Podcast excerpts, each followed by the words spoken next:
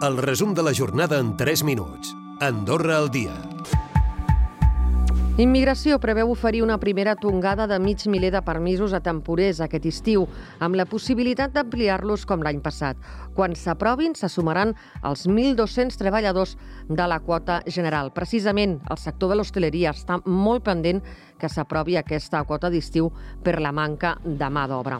I la Caixa Andorrana de Seguretat Social va executar més de 1.500 expedients d'impagats de cotitzacions l'any passat, el que significa 3 milions d'euros. El 42% correspon a empreses, mentre que la resta són d'autònoms i mig miler de treballadors del Servei Andorrà d'Atenció Sanitària, del SAS, gairebé la meitat del personal, voten als comicis del comitè d'empresa superant ja la participació del 2019, tal i com es preveia pel fet que hi hagi dues llistes. L'elecció es fa a través d'un sistema de llistes obertes en el qual s'han d'escollir 11 representants i 4 suplents. I uns 260 alumnes i 800 exàmens, això és la selectivitat que ha començat pels alumnes de batxillerat que volen estudiar a universitats espanyoles. Els alumnes asseguren que es presenten a la selectivitat amb una mica de nervis però preparats. Alguns dies vaig anar a la bíblia, però em concentrava millor a casa.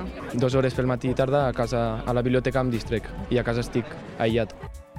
I avui ha estat el Dia Mundial del Medi Ambient. El ministre de Medi Ambient, Agricultura i Ramaderia, Guillem Casal, ha entregat nous contenidors per la recollida de piles que porta a terme a l'Espai d'Inclusió Sociolaboral de la Fundació Privada Nostra Senyora de Meritxell és important de, de seguir incrementant eh, el reciclatge en aquest material que podrem eh, denominar perillós, perquè un, una mala gestió d'aquest eh, residu pot eh, generar doncs, problemes al medi ambient. Si mantenim la, la xifra de, de 7 tones, que jo crec que es va mantenint dels, els darrers anys, ja farem una bona feina i voldrà dir que els, que els contenidors funcionen i que la recollida específica per, per part de les piles també funcioni.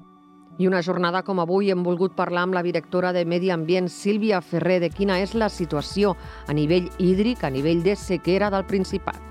Hem de fer que tots els usos siguin compatibles amb un estalvi de l'aigua i amb un seguiment dels nivells no, que ens eh, ajudin a veure quan podem començar a tenir problemes directes. No? I això és molt important, fer aquest seguiment i coordinar-nos entre administracions per, eh, per, per veure eh, pues, la, el seguiment d'aquesta aquest, disponibilitat del recurs hídric.